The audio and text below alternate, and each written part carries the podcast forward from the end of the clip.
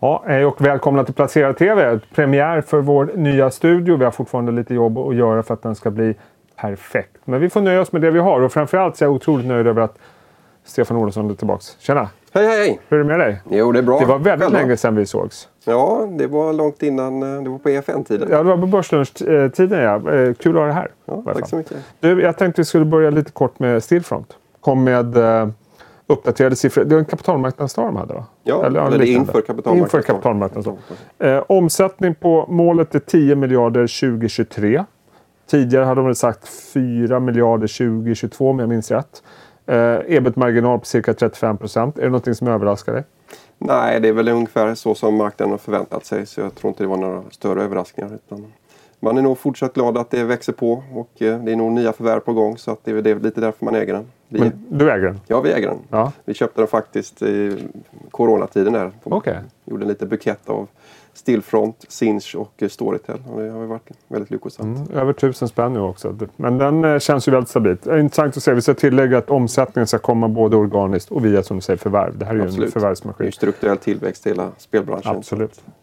Du, jag tänkte annars på, det har varit lite skakigt, eller igår var det lite skakigt på börsen och en av flera anledningar sägs vara att bankerna eh, drogs ner igår på grund av ytterligare då penningtvätts eh, anklagelser eller information. Eh, liksom, det här är en sektor som har haft det svårt i många, många år, underpresterat eh, börsen i flera år.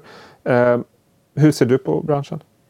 Är det någonting du liksom slänger in i nu när det, för det är låga värderingar? Det får Ja, man det säga. jättelåga värderingar. Ja. Det är ju ental på värderingarna eh, på alla bankerna. Och eh, de är ju stabila och kan ge hög utdelning i de kommande Mm. åren. Men vi har varit väldigt skeptiska mot eh, bank under väldigt lång tid. Och vi tycker att bank är hårt trängda på många områden. Konkurrensen är väldigt hög. Ja, det finns ju både- både på bolånemarknaden och sen finns ju konkurrens till exempel från Avanza som tar sådana, sådana kunder. Det kommer ideligen nya skandaler, penningtvättsskandaler och eh, det är inte så kanske att man tänkte att det här var en engångshändelse som hände i Baltikum utan det kommer ju hela tiden nya skandaler worldwide.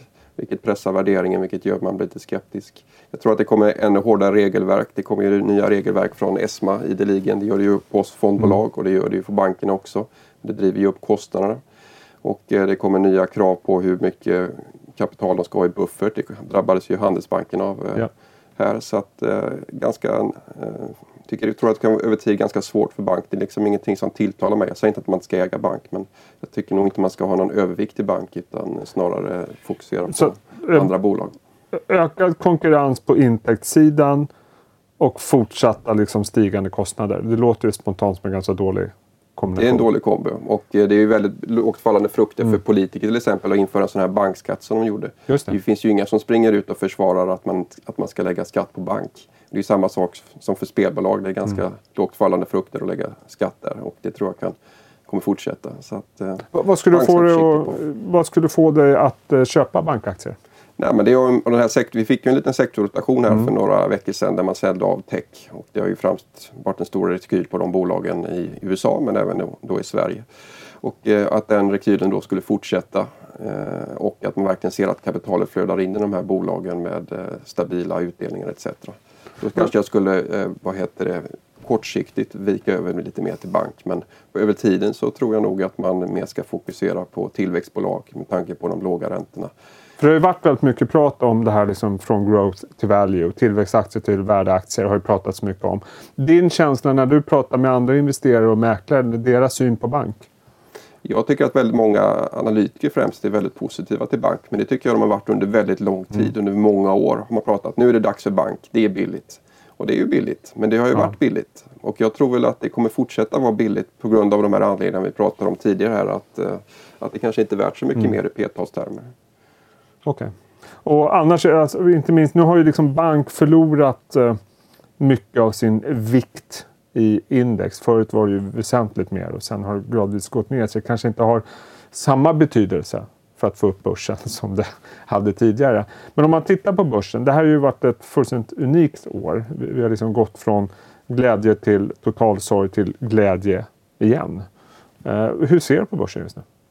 Vi är nog eh, positiva. Vi har en övervikt mm. mot vad vi har haft historiskt sett. Vi har väl, våran fond har varit igång sedan 2009 och då har vi haft uh, cirka 65 procent i aktier. Vi är en blandfond.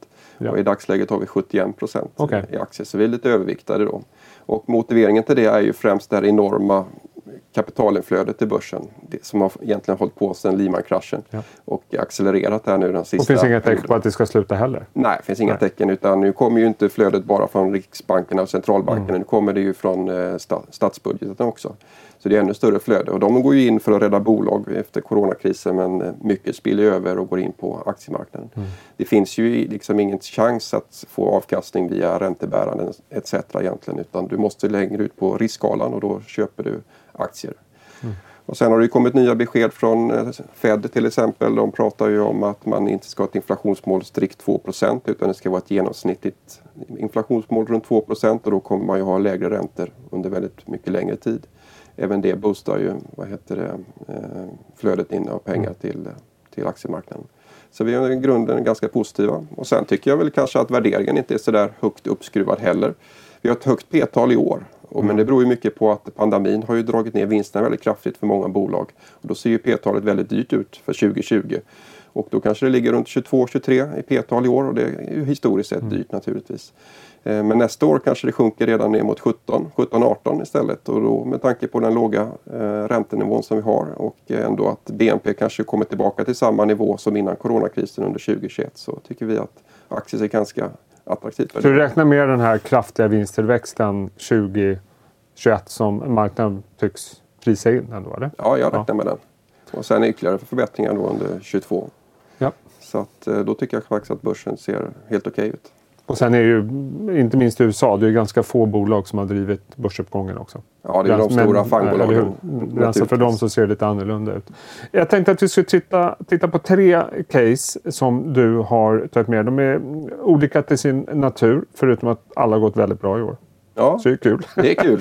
och vi börjar med uh, Swedish Match. Mm. Fantastisk utveckling. Uh, vad är det som har drivit upp det? Är det liksom snus i USA som är den starka faktorn eller vad säger du? Vad är, vad är det som gör? Förutom att det är en väldigt defensiv aktie får man väl säga. Passar bra i det här klimatet. Den passar bra i klimatet men positiva med eh, Swedish Match i dagsläget är att det är både tillväxtbolag mm. och kassako. Så du får ju båda eh, Du får liksom båda, båda hängslen och rivem. Ja. Ja. ja. men det som driver är ju att de har eh, fått sån framgång med det här tobaksfria ja. snuset Syn i USA där de är total marknadsledande. Det finns ju konkurrenter som Altria och Bat men mm. de har ju mycket lägre marknadsandelar. Eh, bara för några år sedan så, så fanns ju knappast syn utan det här har ju kommit i år till exempel. Mm. Under Q2 så producerar de 26 miljoner do doser syn och eh, mot förra årets 50 miljoner doser. Och eh, de planerar ju för att producera upp mot 200 000. Eller 200 miljoner kanske vi ska säga. Jag tog med den här bilden för det här är ju då eh, rökfritt. Det här är mm. väl här det ingår misstänker jag. Va? Mm. Och här har du amerikanska och det som är intressant här det är ju hur stor andel det har blivit bara på. Det här är jag tror det var senaste rapporten om jag minns rätt. Att det här är ju någonting som växer i betydelse för match totalt sett. Ja, det växer ju väldigt kraftigt och mm. ökar och bekostnad. Hade jag fått bestämma hade jag gärna sålt kanske de här. De här två? Ja, Lights är ju väldigt litet och eh, det är ju obetydligt egentligen. Och cigarrerna hade väl varit skönt att få bort bolaget så att de inte hade någonting som innegår rök. Okej. Okay. Tror du att det skulle bli förvånande om det hände något sånt? Nej, de sålde ju av cigaretter tidigare, mm. rätt många år sedan. Men ja. jag skulle hoppas att de även sålde cigarrerna för att då skulle få högre, mycket högre multiplar för bolaget. Ja. Bolag. Påverkas de eh, av hela den här ESG-diskussionen med den här biten men inte med den biten då? Eller? Nej, jag tror att de påverkas av den i alla fall men kanske ja. inte i samma utsträckning. Okay. Eh, cigaretter är ju, och cigarrer är ju onekligen mycket farligare än snus. Mm. Så det är ju därför lite man har gjort den här synprodukten. Eh, för att den är då mindre känslig för att den inte håller tobak då till exempel. Och, och värderingen på Match, vad är det? P20 någonting nästa år kanske? Ja, typ 20. Och de ja. växer ju med eh, omsättningen kanske tror jag växer runt mm. 10% och vinsten blir ytterligare lite högre. Det finns ju ytterligare en, en fin poäng med Swedish Match. Det är att de köper tillbaka väldigt mycket aktier. Mm. Eh, de har ju typ, i årsskiftet hade de 163 miljoner aktier och nu har de väl under året hittills köpt tillbaka 3,5 okay. miljoner aktier. Så du får ju hela tiden högre eh, tillväxt i vinsten per aktie på grund av att de köper tillbaka mm. väldigt mycket aktier. Och det har de gjort under så lång tid. Det är ju ett av få bolag i, i Sverige som gör det. Mm. Man ser det inte så ofta. Eh, jag tänkte vi går över till nästa. Här har vi en riktig vinnare. Jag kan tänka mig nu, jag vet inte om det här är någonting som du har gått in i också under coronatiden, Evolution Gaming. Nej. Man skulle säga att det här bolaget gick ju fantastiskt bra redan innan corona. Ja, absolut. Sen har de väl fått ytterligare då, lite med en boost En kanske. liten- men, en men, eh, boost kanske. det, det som imponerar, tycker jag, det är ju liksom, vi kan ju nästan titta på nästa bild här, det är ju liksom den här tycker jag. Eh, ebitda-marginalen som bara tickar på i takt med att tillväxten ökar. Ja, de har ju fått enorma stordriftsfördelar. Mm. Eh. Vi har faktiskt ägt dem sedan 2014. Okej, Och, grattis. eh, Ja, det har varit kul. Det har ju varit mest problem att man har fått skala ner eh, Ja. investeringens storlek hela tiden. I dagsläget har vi runt 4 i, Mm. i bolaget. Nu är det ju historiskt sett ganska dyrt. Vad är det, P30 någonting eller? Ja, Nästa år? Det är, ja, för nästa år kanske Ja. 32 och, Okej. och sen eh, vad heter det, på 22 kanske det är runt 26. Det beror Mm. på lite på var man tittar. Men det tycker kanske inte jag är så jättefarligt det heller med tanke på den tillväxten bolaget har haft och Mm. eh, även då framledes kommer ha. Ofta är det ju så att investerare tittar ju på två år i taget så fortfarande tittar man ju på 20 och 21 och då Ja. ser det ju väldigt dyrt ut under 20. Men ganska snart tror jag att man kommer titta på 21, 22 och eh, då kommer man tycka att det eh, ser Och vad är det som attraktivt. driver fortsatt tillväxt förutom att de är otroligt skickliga? Är det liksom den amerikanska marknaden eller hur ser du på liksom, eh, det som kommer göra att det här bolaget... För de måste ju fortsätta ha en bra tillväxt Ja, utifrån marknadens perspektiv. Annars blir det ju dålig Mm. kursutveckling Ja. naturligtvis. Och en fara är ju till exempel att marginalen är så högt uppskruvade så Mm. att, att, att även om bolaget växer så får du fallande vinst på grund av att mar marginalerna urholkas. Ja. Men det som ska driva tillväxten är ju främst eh, Nordamerika. Eh, och det är lite därför de köper här Net Entertainment, eller försöker köpa Net Mm. Entertainment. Och sen har du en enorm tillväxt även i Asien. Ja. Asien och, och eh, Nordamerika stod för cirka 30 procent av omsättningen under Q2. Och då växte ju vad heter det, Asien 36 procent från kvartalet innan. Och eh, de har väl indikerat att det inte var någon större effekt av eh, Corona som gjorde att tillväxten var så hög i Asien. Utan det var mer att de är så små i, Okej. i den stora asiatiska marknaden.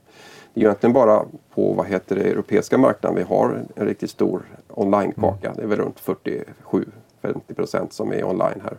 Men nu i USA och, och i, i eh, Asien kanske det bara är 2-3 procent som är online. Ja. Men däremot är den totala baserade eh, kasinomarknaden mycket större än i Europa. Den kanske är 2-3 gånger större i USA och Asien. Så bara man får upp den online-delen så blir det ju automatiskt väldigt eh, hög tillväxt. Så att de kommer liksom gradvis rulla ut. De kommer få stöd i tillväxten. Liksom först Europa, USA och så Asien. Så det kommer liksom hela tiden adderas på tillväxtregioner kan man säga. Ja, och det är ju de här två stora regionerna. Alla regioner växer ju kraftigt utan eh, Norden och eh, England kan man väl säga. Ja. Eh, Storbritannien. Nu hade de ju lite sämre tillväxt kanske i, Mm. just nu i, i resten av Europa också. Bland annat för att eh, det var ju en del mycket bord som stängdes ner under Q2. Och där kanske de tappade en ganska stor del av omsättningen samtidigt som de tog Ja. igen mycket av omsättningen för att eh, covid gjorde att man spelade mer. Mm. Men eh, det är främst då eh, utväxt, utläggningen av, av att fler och fler spel, eh, då, eller online-spel, kommer godkännas i delstaterna i USA. Det är, det är ju förbjudet i de flesta delstater. Men, Men där känns det som det hela tiden öppnas upp och det kanske har förstärkts ännu mer nu när man behöver stärka statskassorna och så vidare. ja, det har förstärkts Ja. enormt just Ja. för att de, de landbaserade varit stängda under, Mm. under covid. Så att det har ju framtvingats väldigt snabba processer helt plötsligt i flera delstater om att öppna. Och först går ju sportbetting in. Eh, Det är ju Mm. ofta det man godkänner först och sen kommer förhoppningsvis online och live-casino då i nästa våg. Och eh, live-casino måste de ju oftast bygga en egen eller ja, bygga en egen studio så det är ju lite kostnader involverat i det. Men det visar väl också lite grann på, för jag menar kritiken, och vi har pratat om det förut, är ju att människor har, alltså kritiker har liksom sett det här som en låg barriär att ta sig in. Enkelt att konkurrera med den här typen av bolagen. Men det känns ju som Evolution hela tiden bevisar att det är inte så himla enkelt att bara öppna upp en shop. Nej, jag tror att det är tvärtom, att det är väldigt höga inträdesbarriärer. Så jag tror att det har varit helt fel av marknaden. Initialt, eh, Initialt var var det ju kanske mindre inträdesbarriärer men nu har eh, Evo blivit så stora så de har enorma stordriftsfördelar. Förut var man ju liksom lite nervös när de skulle öppna en ny eh, hubb till exempel. Ja. För att det ska vara så stora kostnader för bolaget. Men nu är ju kostnaden, det kostar ju lika mycket att öppna den här hubben nu. Så det syns ju egentligen inte i, i resultatutvecklingen. Medan andra mindre aktörer som skulle börja från noll skulle ju eh, naturligtvis ha den kostnaden mycket större för dem. Och sen är ju, har ju Evo en, en mycket stor fördel att deras spel har ju varit outstanding jämfört med konkurrenterna. Och sen finns det ju egentligen bara en konkurrent kvar eh, i, i dagsläget i alla fall om, om nu Net Entertainment försvinner och det är Playtech. Mm. Och de är ju lite splittrade. De håller inte bara på med live utan de håller på med vanlig operatörsverksamhet och har väl egentligen åtta olika divisioner så de är inte riktigt lika fokuserade som Evolution. Mm, ja, intressant. Jag tänkte vi ska avsluta med någonting helt annat. Mm. Eh, och det här känns ju spontant som jag ska inte säga superdefensivt, men otroligt tryggt. Och det är Cibus. Det är ett fastighetsbolag man inte pratar lika mycket om. Eh, det kanske har att göra med vad de är noterade också. Men en, i all snack om fastighetssektorn så är det här en som faktiskt har slagit börsen i år. Ja, den har eh, gått jättebra. Och det, det, har ju med deras exponering. Berätta om deras, vad är det som gör att de är så himla stabila? Ja, Cibus är ju från ursprungligen bara verksamt i Finland och mm. Eh, där har de ju egentligen äger de hyresfastigheter eller fastigheter mm. riktade mot eh, främst livsmedelshandeln. Det är livsmedelshandeln som man jämför kan kämpa med ICA, Hemköp och Coop till exempel. Och sen har de även mot lågprishandeln. Och både lågprishandeln och livsmedel har ju gått fantastiskt bra mm. under den här pandemin. Det såg man i sista rapporten här. Det var under 1 som eh, var hyresnedsättningar. De hade fått in över 99% av mm. hyrorna för nästa kvartal. Så att de är egentligen helt opåverkade av, ja. eh, av den här pandemin. Snarare kan man nästan säga att deras kunder har liksom tjänat ännu mer ja. pengar under den här pandemin som blivit ännu starkare. De här små kundförlusterna de har tagit det handlar egentligen om att de har haft en tobakshandlare i den här eh fastigheten där själva livsmedelsaffären varit som då har fått lite extra hjälp under den här perioden. Men det skulle de fasa ut nu i samband med att eh, Q3 inleddes.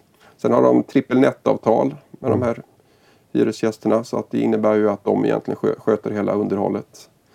Eh, de har breddat verksamheten geografiskt och kommit in i Sverige här i våras köpte ja. de eh, för, Coops samlade bestånd och även det för trippel net över tio år. Så fördelen med Cibus är att det är väldigt konjunkturstabila hyresgäster. Och eh, det är väldigt lätt att förutse både vad de ska tjäna och vilka kostnader de ska ha och därmed kan man ganska lätt förstå kassaflödet. Och kommer de fortsätta att växa eh, i Norden? Räknar du med det? Eller? Ja, det räknar mm. jag med. Och framförallt hoppas jag att de arbetar och köper mer finska ja. i Finland för det är lite bättre marknad där än vad det är i Sverige. De har ju lovat att de ska öka utdelningen med 5 ja. Och utdelningen idag, direktavkastningen, ligger kanske runt 6% lite över 6 Och det tror jag att de eh, kommer lyckas att, att göra. Så en hyggligt hög direktavkastning, stabila kassaflöden, exponering mot rätt område inom fastighetsbranschen som annars är en bransch där man nu liksom letar efter vinnare och förlorare har hållit på ganska länge. Ja. Känns stabilt. Det känns väldigt stabilt. Ja. sen ska de byta lista här nu. Det tror jag kommer öka intresset ja, för bolaget ja. ytterligare. Det blir lite större. Det är värt typ 6 miljarder. De mm. ska börja med månadsutdelning som första bolag på Stockholmsbörsen så att du får ett kontinuerligt kassaflöde om du, om du nu gillar det.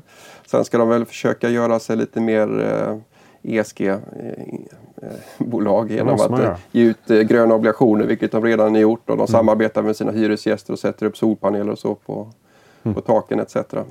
Så att eh, det här är ingen raket. Men eh, det är ju rätt roligt. Stabilt, stabilt är det. Men ja. det är ju rätt roligt om man har den här direktavkastningen mm. och tänker på att de ska dela ut 10 kronor per aktie. Och räntenivån är så låg som den är. Mm. Vad ska man sätta för yield på det? Alltså vad är man nöjd med? Är det 5 procent mm. man är nöjd med att få i utdelnings direktavkastning? Ja, då är ju aktien värd 200 Jag känner spontant också, men jag tittar på värderingarna som ICA Axfood har fått. Mm. Alltså, det är inte riktigt samma sak, men ändå samma segment. Hur, hur marknaden varit villig att sätta extremt höga multiplar kan jag tycka i vissa fall på de bolagen. För att det är så stabilt och förutsägbart. Ja, och den parallellen kan man väl även dra till mm. Swedish Match kanske. Ja, för att de har ju mycket lägre P-tal mm. än vad Axfood och Ica ja. och Arus Karlsson har till mm. exempel. Mm. Fast eh, de har mycket lägre tillväxt. Det... Ja, eh, spännande, kul eh, med tre lite olika case och kul framförallt serien. Ja, detsamma. Det gör vi om. Ja. ha det bra och tack för att ni har tittat.